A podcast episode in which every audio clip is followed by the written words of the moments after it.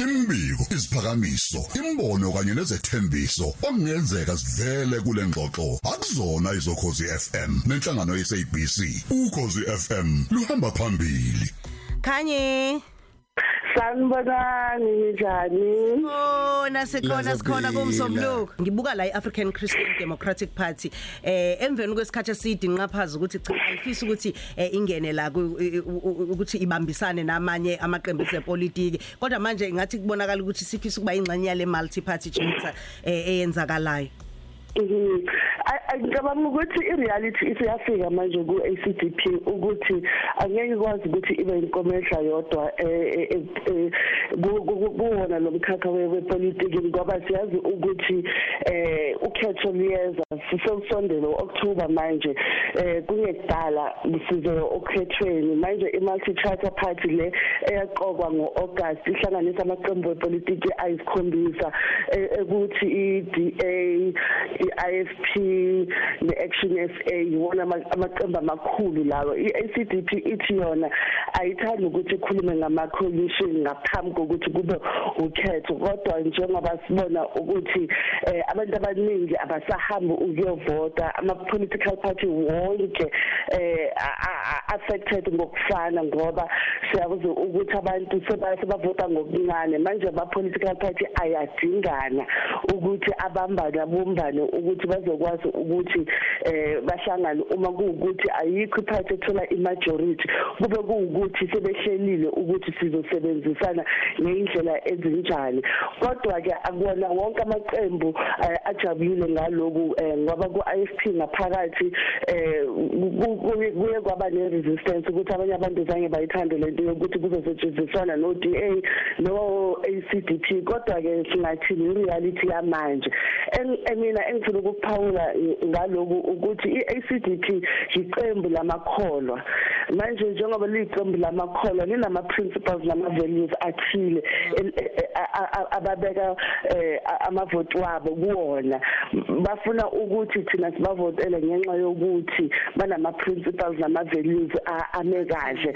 Manje siyazi ukuthi enye party e- e- engenawo lawo ma values lawo ma principles kuzohamba kuhambe kube khona indawo la bangaboni ngasolinye manje ngiyazibuza ukuthi i-ACDP ikulungele lokho na ukuthi phela uma iqembu kungalona iqembu eli- eliqokwe ngokukholwa izinto ezenzeka ngaphakathi angeke zihambelane naloku mina nikurepresentayo manje ngiyazibuza ukuthi izosebenza kanjani le coalition njengoba sazi ukuthi endaweni ezifana noThwane no Ekuruleni iACDP vele iyasebenzisana namanye amaqembu but at a national level angazi ukuthi izosebenza naleyo coalition Mm.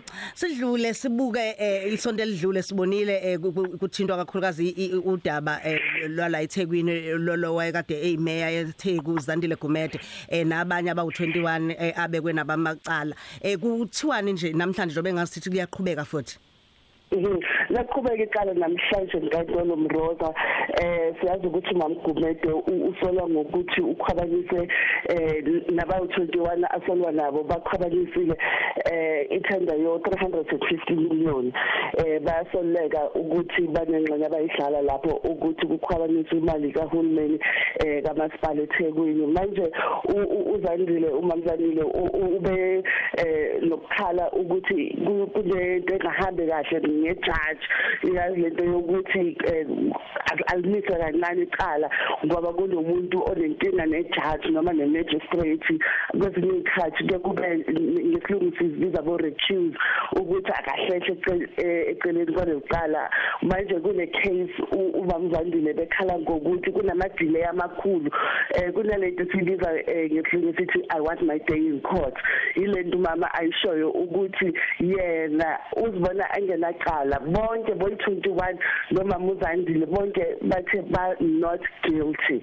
Manje bona bafuna ukuzilwela engifuna ukwazi ukuthi baphi ababasekayo kuma kuma political parties laba abavela kuwona. Ngoba siyazi ukuthi umama uzandile uvela ku-ANC kodwa a- angaze ngibone kakhulu abantu abamchasayo kuyo yona eh le case a- ay- ay- a- ayihambayo. Eh, futhi dala yaqala. Engifuna ukwazi ukuthi uma mzandile njengoba athi le case lena ayikho. Ngifuna ukwazi ukuthi lizophuma na iqiniso kulama trial kuphela noma uma muzandile kuzoba yilento esibiza nge-fall guy lo othatha icala ukuthi abanye bangangeni ejele noma bangabonwa banecala. So kunezinto nje eziningi engiyibhekile njengoba icala lisazoqala namhlanje. Suma sesivala mhlambe sibuke eyithinta usasa nokulahleka kwemali engango 50 million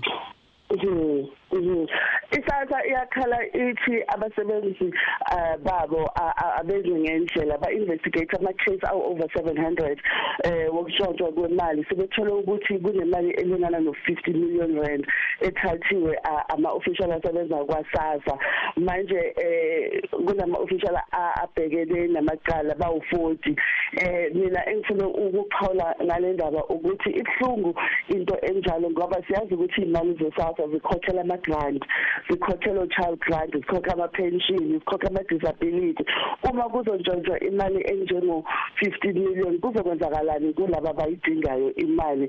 Lena indaba uhulumeni kuzofuneka ukuthi ayibhekisise kahle ungqongqoshe we social development ulindiwe Zulu kuzofuneka ukuthi ayibhekisise kahle le ndaba ngoba u50 million ohambile kusho ukuthi kunengane engayithole grant kunogogo ongeke ayithole igrant kunomuntu okhubazekile ongeke ayithole igrant ngoba imali azisasa ziyantshontshwa Siyabonga kakhulu eh siyazi ukuthi ke sophinde sihlangane ngokuzayo nanokuthi nje ulokhu uqhubeka usihlaziyela eh ngendlela oyibona ngayo eh, ezepolitiki kuba siqonde kahle.